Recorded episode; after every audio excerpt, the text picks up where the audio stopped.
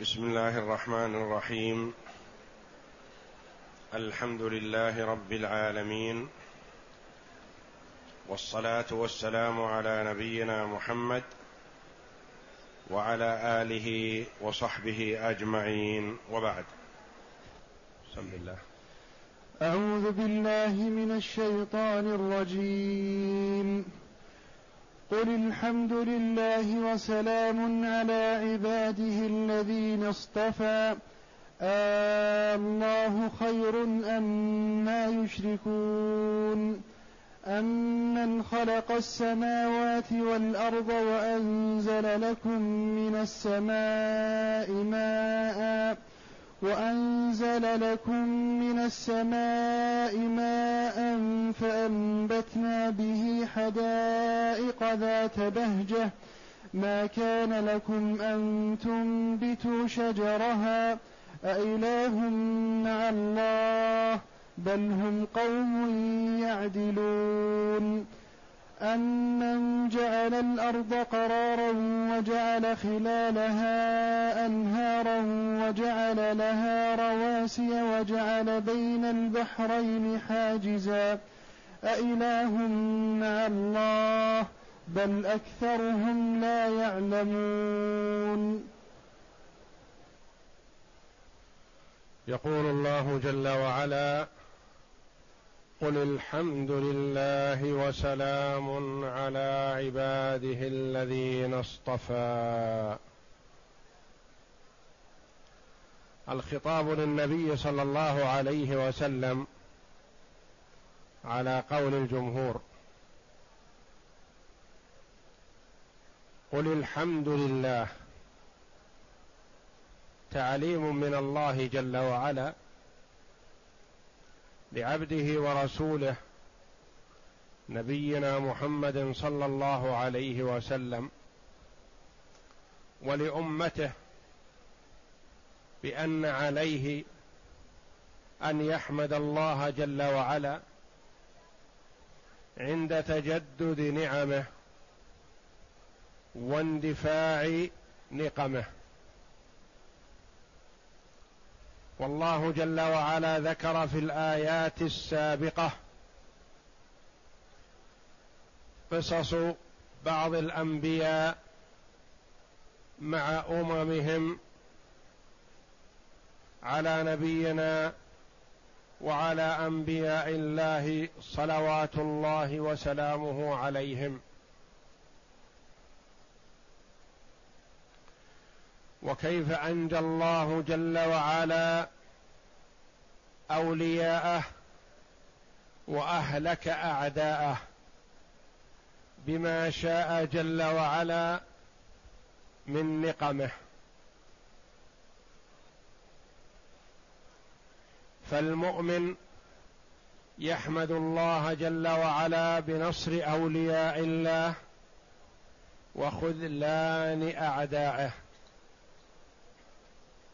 وكلما جدد الله للعبد نعمه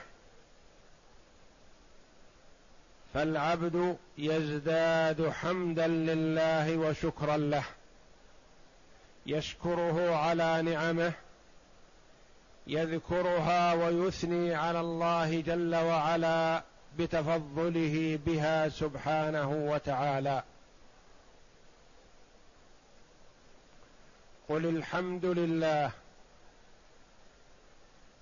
قل يا محمد الحمد لله الذي أنجى أولياءه أنجى الرسل صلوات الله وسلامه عليهم ومن آمن بهم وأهلك أعداء رسله وهم من كفر بالله وكفر برسله.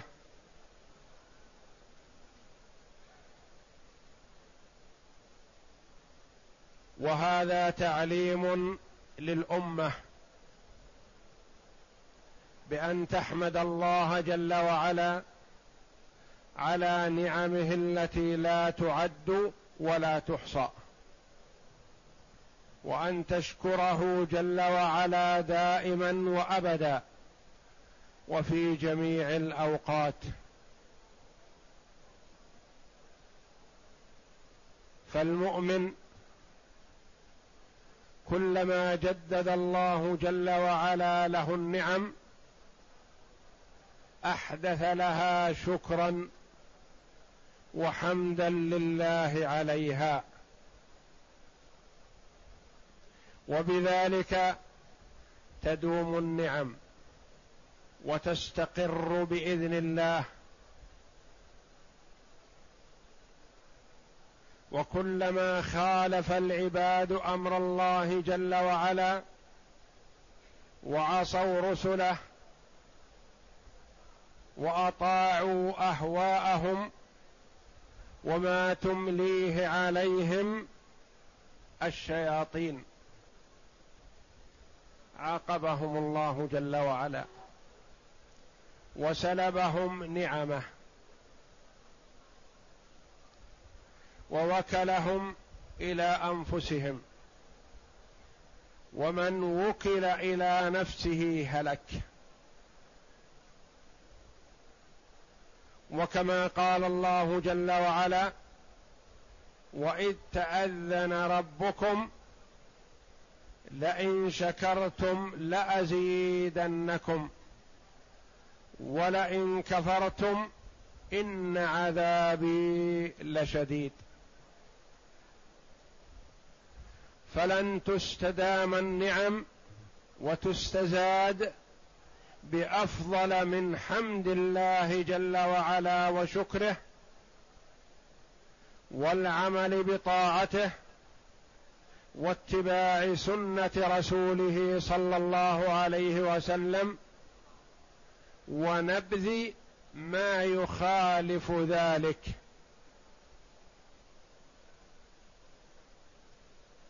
فبذلك تستدام النعم وتستزاد وتستقر الأحوال ويهدأ الضمير ويزداد الإيمان بإذن الله. قل الحمد لله. الله جل وعلا يأمر عبده ورسوله نبينا محمدا صلى الله عليه وسلم بأن يحمده. فالله جل وعلا هو أهل الحمد وهو أهل الثناء وهو أهل المجد وهو أهل الفضل والإحسان سبحانه وتعالى.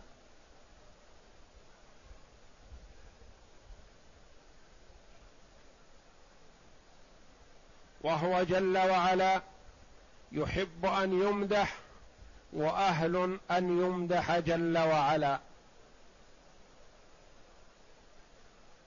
ويزيد النعم بحمده والثناء عليه. ويسلبها بكفره وجحود نعمه.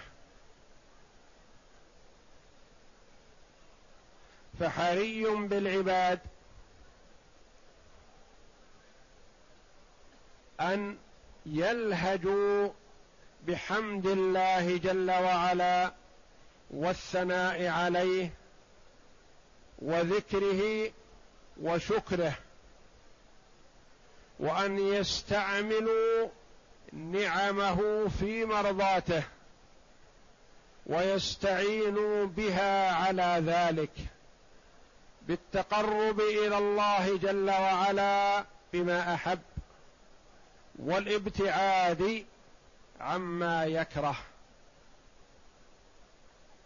فالله جل وعلا يغار ولا أحد أغير من الله جل وعلا. فهو إذا كفرت نعمه وجحدت أو نسبت لغيره يغار جل وعلا فيسلب ما أنعم به على العباد ويكلهم إلى أنفسهم فيخسر الدنيا والآخرة والعياذ بالله.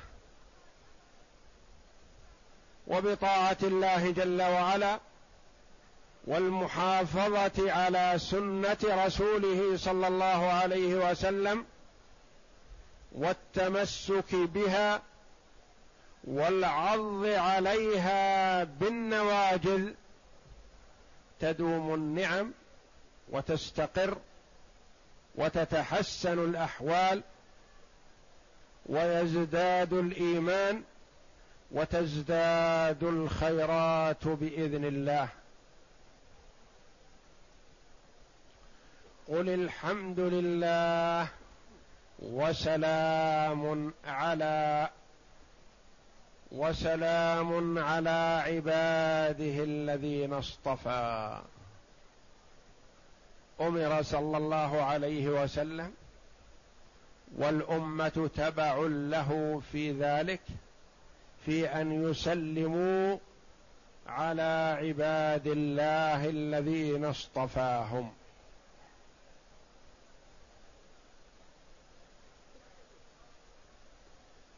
من هؤلاء هم الذين اصطفاهم الله جل وعلا لعبادته.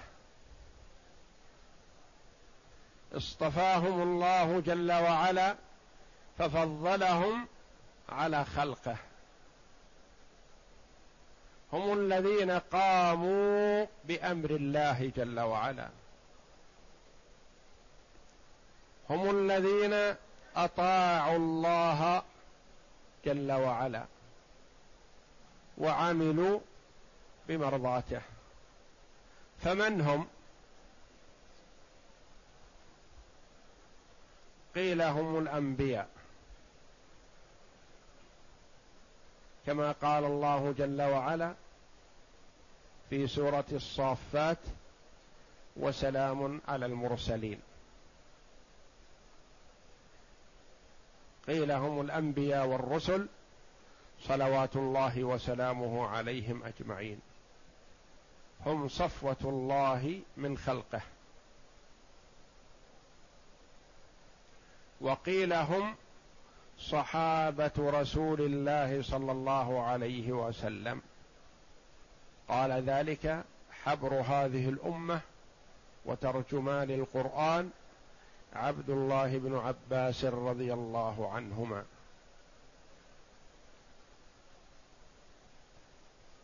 وقيل هم أمة محمد صلى الله عليه وسلم الذين آمنوا به. أمة الإجابة. الذين استجابوا لرسول الله صلى الله عليه وسلم. وقيل هم كل مؤمن أطاع الله جل وعلا. من آدم إلى أن يرث الله الأرض ومن عليها. ففي المسألة أربعة أقوال للمفسرين رحمهم الله. هل هم الأنبياء والرسل؟ أم هم صحابة رسول الله صلى الله عليه وسلم؟ أم هم أمة محمد صلى الله عليه وسلم الذين آمنوا به؟ أم هم كل مؤمن ومؤمنة من آدم إلى أن يرث الله الأرض ومن عليها؟ هؤلاء اصطفاهم الله جل وعلا. اختارهم لعبادته وفضلهم على خلقه بالعبادة. لأن من اختاره الله جل وعلا لعبادته فعبد الله جل وعلا فقد اصطفاه الله واختاره.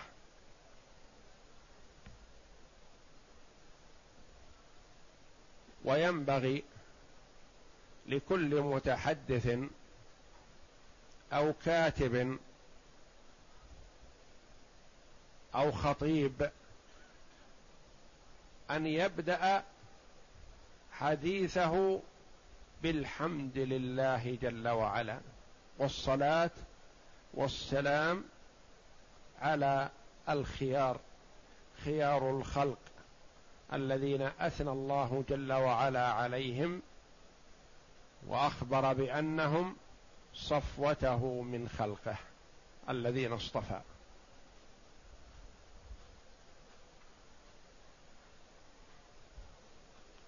والمؤمن دائما يحمد الله جل وعلا ويثني عليه على السراء والضراء.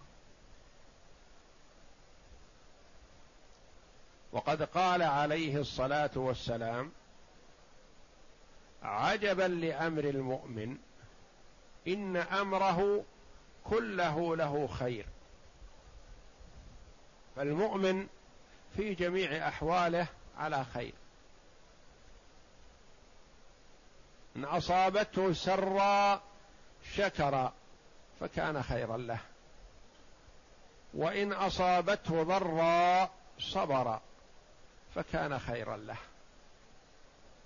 وليس ذلك لأحد إلا للمؤمن لأن المؤمن يحمد الله على السراء والضراء ويرضى بقضاء الله وقدره ويحتسب في جميع أحواله ثواب الله جل وعلا. في حال النعمة يشكر الله جل وعلا ويحمده ويثني على الله جل وعلا بما هو أهله فيؤجر. وفي حال الضراء يصبر ويحتسب.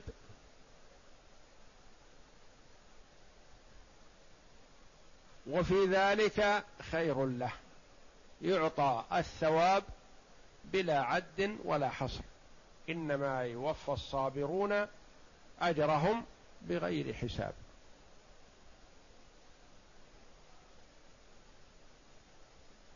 فإذا ابتلي صبر وإذا أنعم عليه شكر.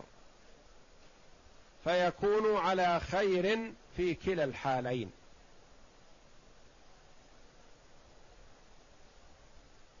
والله جل وعلا ينعم لحكمة ويبتلي لحكمة. فقد يكون صلاح العبد واستقامته وسلامته من الآثام بالابتلاء والامتحان. وقد ينال بذلك الدرجات العلى بالابتلاء والامتحان ينال الثواب الجزيل بصبره واحتسابه.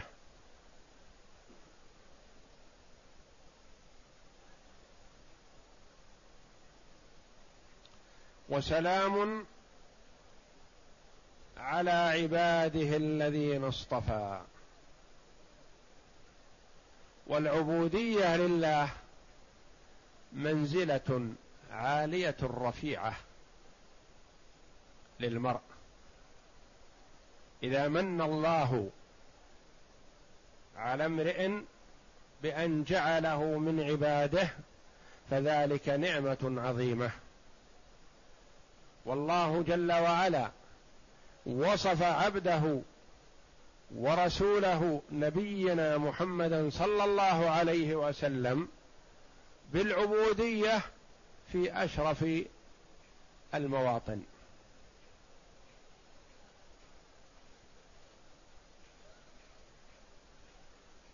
في الصلاة وأنه لما قام عبد الله يدعوه كادوا يكونون عليه لبدا. وعند إنزال الكتاب عليه الحمد لله الذي أنزل على عبده الكتاب ولم يجعل له عوجا. فالعبودية مرتبة عالية رفيعة. إذا أدركها العبد لله إذا أدركها المرء وصار عبدا من عباد الله فتلك نعمة عظيمة. وسلام على عباده الذين اصطفى يعني اختار وفضل وميز على سائر الخلق.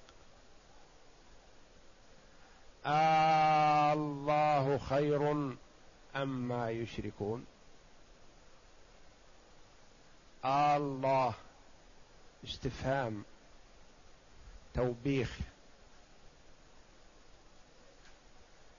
للمشركين والكفار. أي أعبادة الله خير أم عبادة الآلهة الذين تشركونهم وتجعلونهم شركاء لله؟ الله خير أم ما يشركون.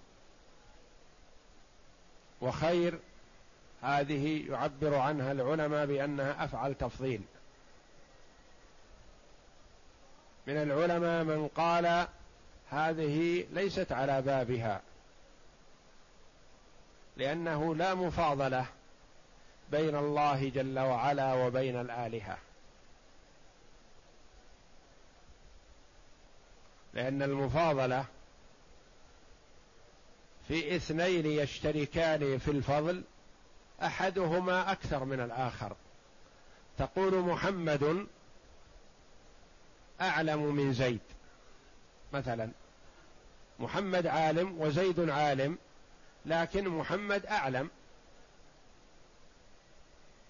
وتقول علي أذكى من بكر مثلا كلاهما اشترك في صفة الذكاء لكن علي أكثر. فهنا الخيرية ليست على بابها لأن الله جل وعلا خير والآلهة لا خير فيها إطلاقا. ليس فيها خير حتى يقال فيها خير لكن أقل من خير الله جل وعلا تعالى الله. لا. وهذا جار في اللغة العربية كثيرا ما يؤتى بأفعل التفضيل على غير بابه.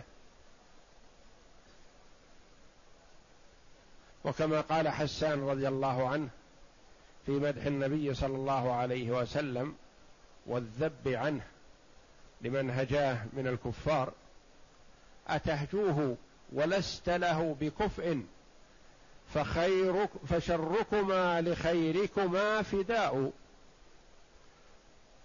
يعني كأنه على ظاهر اللفظ كلاكما فيه كذا وكذا لكن أكثركما شر فداء لمن هو أكثر خير وليس كذلك فالكافر لا خير فيه إطلاقا ولا يريد حسان رضي الله عنه وإنما يقول الشر أحدكما شر وأحدكما خير ومن كان هو الشر فهو فداء لمن فيه الخير.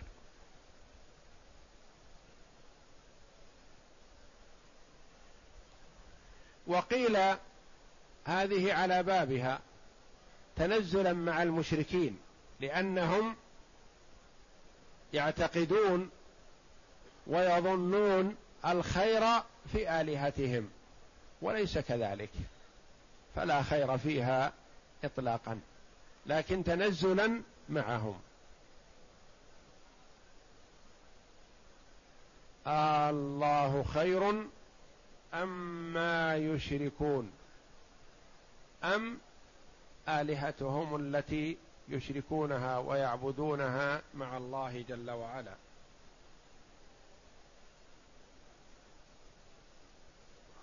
فأم هذه تسمى أم المتصلة.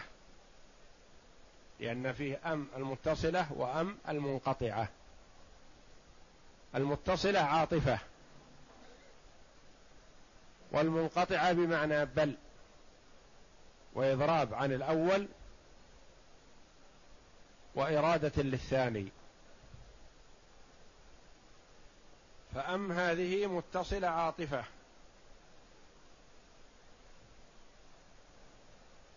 أو صفة على القول الأول بأنها ليست على بابها لا تفضيل فيها وما بمعنى الذي أو مصدرية. الله خير أم الذين يشركونهم مع الله تعالى الله؟ أو توحيد الله خير أم شركهم؟ على أنها مصدرية. وروي أن النبي صلى الله عليه وسلم كان إذا قرأ هذه الآية الله خير أما يشركون قال بل الله خير وأبقى وأجل وأكرم.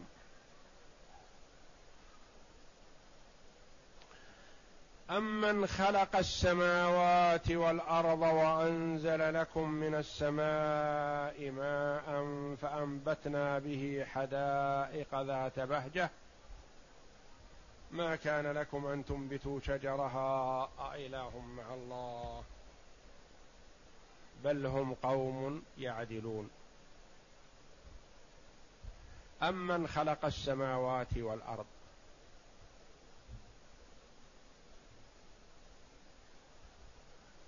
يعدد جل وعلا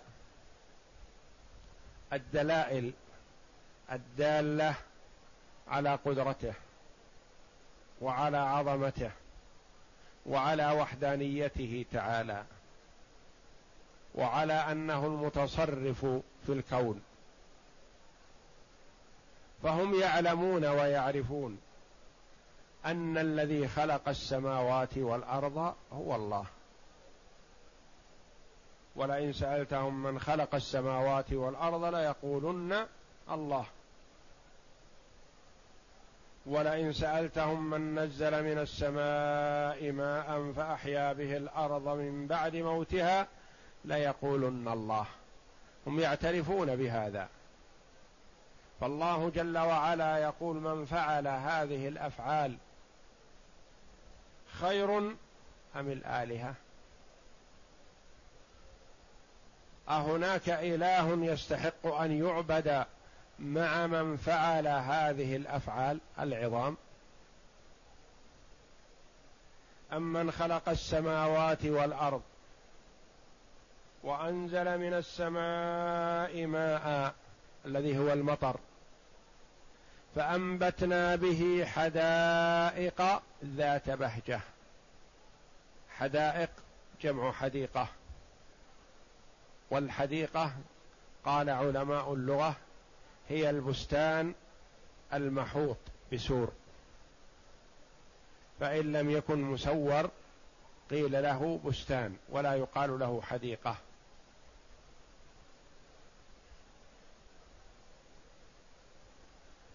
ذات بهجة تبهج النفس ومنظر حسن وجميل. يسر بها من دخلها. ما كان لكم أن تنبتوا شجرها. أنتم لا تستطيعون أن تنبتوها. قد يقول المرء أنا الذي غرستها أو أنا الذي بذرتها وأسقيتها بالماء فنبتت. لكن من الذي أنبتها؟ أنت تستطيع بعد سقي الماء أن تخرج الحبة وتخرج الورقة وتخرج الثمرة. لا. ما كان لكم أن تنبتوا شجرها. من هو الذي أنبتها؟ هو الله. من هو الذي خلق السماوات؟ هو الله. من هو الذي خلق الأرض؟ هو الله. من الذي أنزل من السماء ماء؟ المطر؟ هو الله. لا أحد يقدر على ذلك غيره. هذه أفعاله. هل يستحق ويسوغ عقلا أن يعبد معه ميت أو يعبد معه حجر أو يعبد معه شجر أو يعبد معه حيوان كائنا من كان؟ أو يعبد معه رجل صالح أو يعبد معه ملك من الملائكة أو رسول من الرسل كل هذا لا يليق. ايا كان المعبود غير الله لا يسوغ أن يشرك مع الله في العبادة. وكما تقدم وصف الله جل وعلا أفضل خلقه محمد صلى الله عليه وسلم بالعبودية في أشرف مواطنه صلى الله عليه وسلم. أفضل الخلق في أشرف المواطن وصف بالعبودية. فمعنى هذا أنه لا يسوغ عقلا ولا شرعا فغيره من باب أولى إن كان مطيعا لله جل وعلا فهو عبد له وإن كان عاص لله فهو كافر زنديق جاحد حطب من حطب جهنم. وايا كان المخلوق فلا يصلح للعبادة. ما كان لكم أن تنبتوا شجرها أإله مع الله؟ فعل ذلك أو أإله مع الله يستحق أن يعبد؟ تعالى الله. والاستفهام للتوبيخ والإنكار. أي لا أحد. بل هم قوم يعدلون. بل هم لجهلهم يعدلون غير الله مع الله. أو بل هم قوم يعدلون عن التوحيد الذي افترضه الله جل وعلا إلى الشرك وعبادة غير الله. يعدلون غير الله به أو يعدلون عن الحق والصواب إلى عبادة غيره.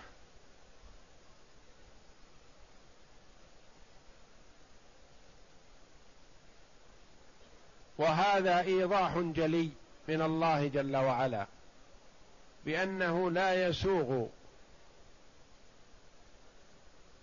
لكائن من كان أن يلتجئ إلى غير الله جل وعلا. في طلب نفع أو كشف ضر. وذلك أنه لا يقدر على ذلك إلا الله. وأن من يتوجه إلى أي أي كائن من كان ولي من أولياء الله أو عدو من أعداء الله يتوجه إليه بطلب نفع أو كشف ضر وقد مات فهو مشرك مع الله غيره وقد حبط عمله.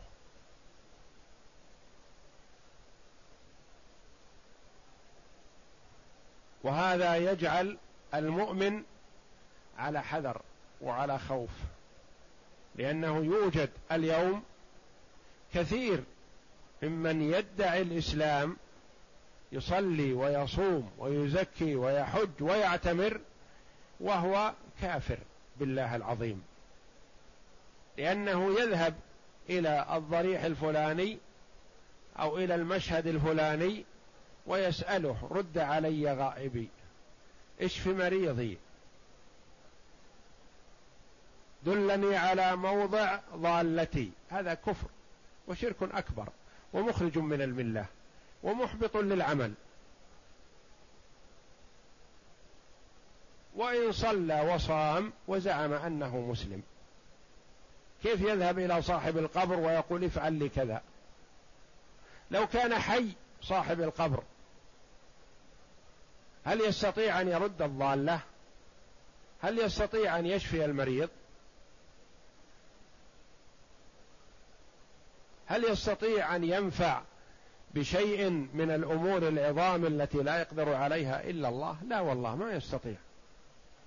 ضاله هو مثلك لو هو حي فهو مثلك لا يدري أين هي إلا إن رآها. فكيف وهو ميت؟ يطلب منه رد الضاله أو شفاء المريض. أو النجاح في الامتحان أو تيسير الوظيفة والعمل أو الربح بالتجارة أو نحو ذلك من الأمور التي لا يقدر عليها إلا الله.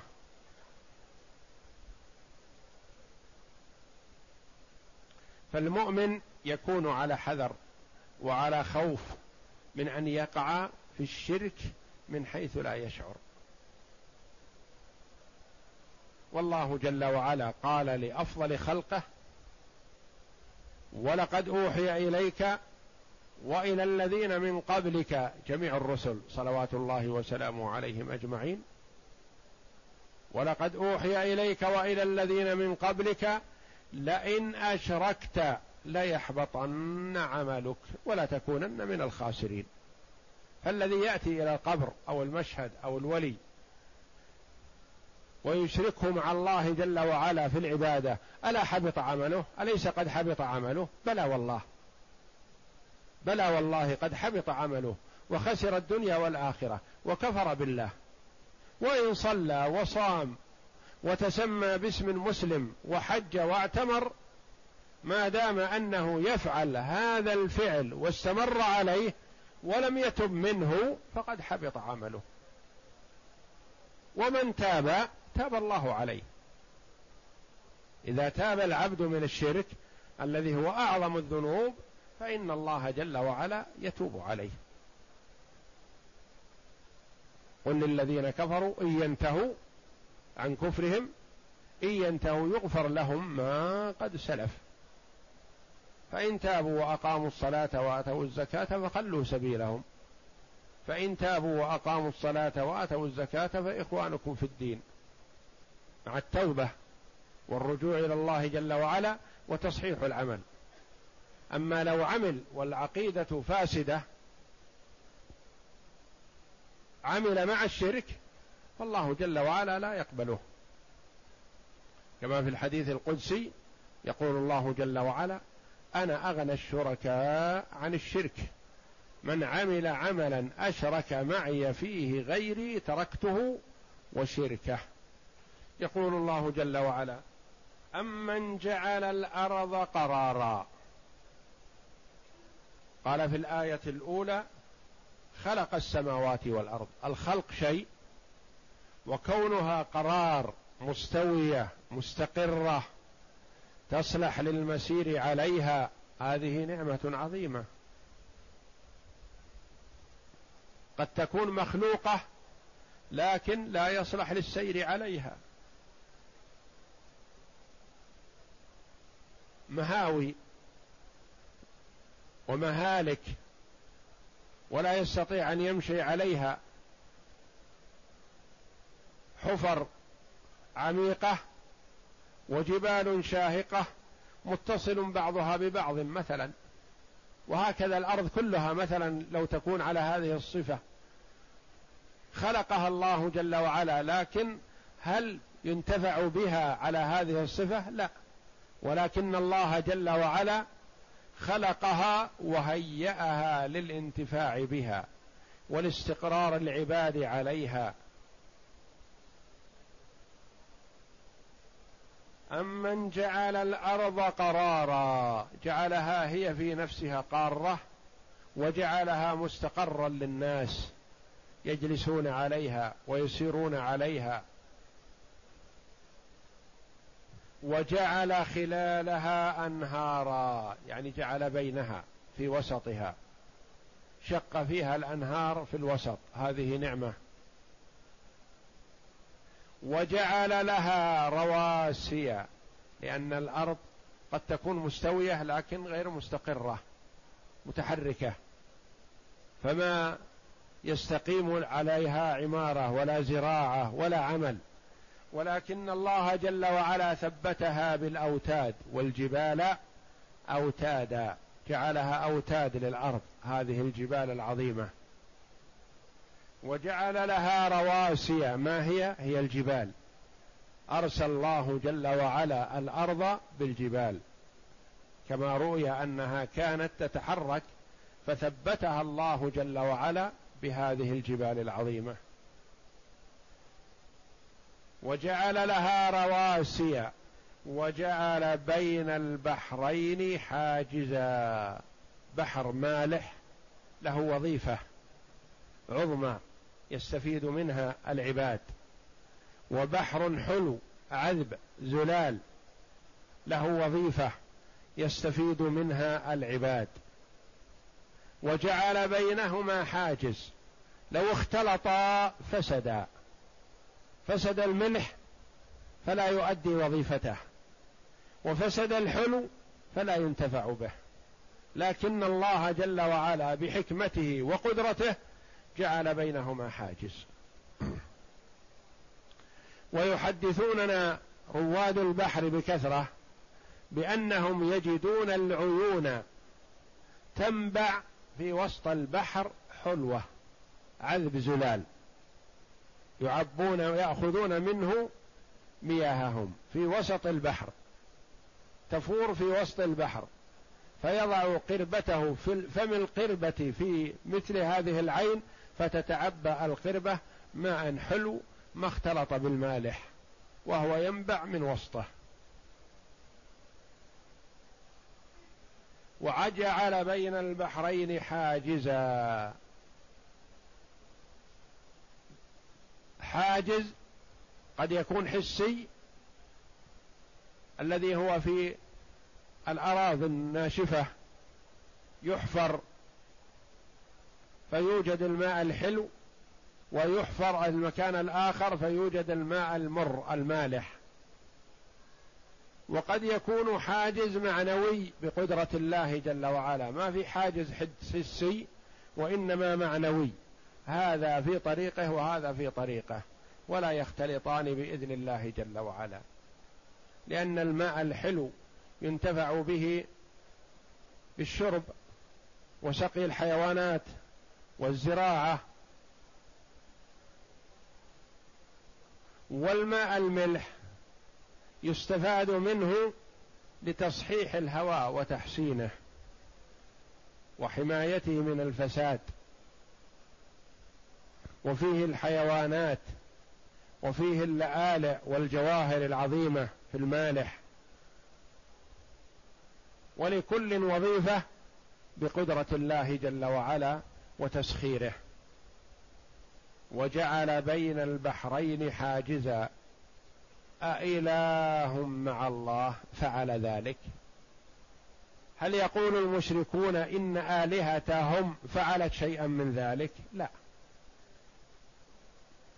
أإله مع الله الذي فعل هذه الأشياء يستحق أن يعبد؟ لا والله. وإنما من فعل هذه الأشياء هو المستحق للعبادة وحده لا شريك له.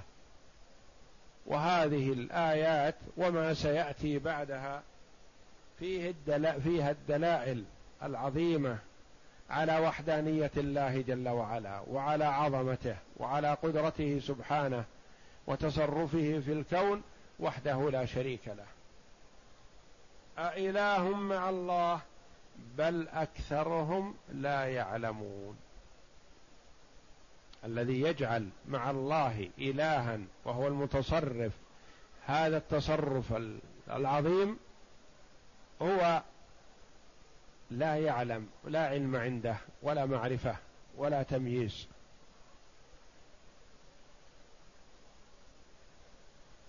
ولو سلب العقل لسقط التكليف لكنه أعطي العقل وحجب عن إدراك ما ينفعه والعياذ بالله. وسخره لأمور أخرى لما يتصل بدنياه أو فيما يضره والعياذ بالله.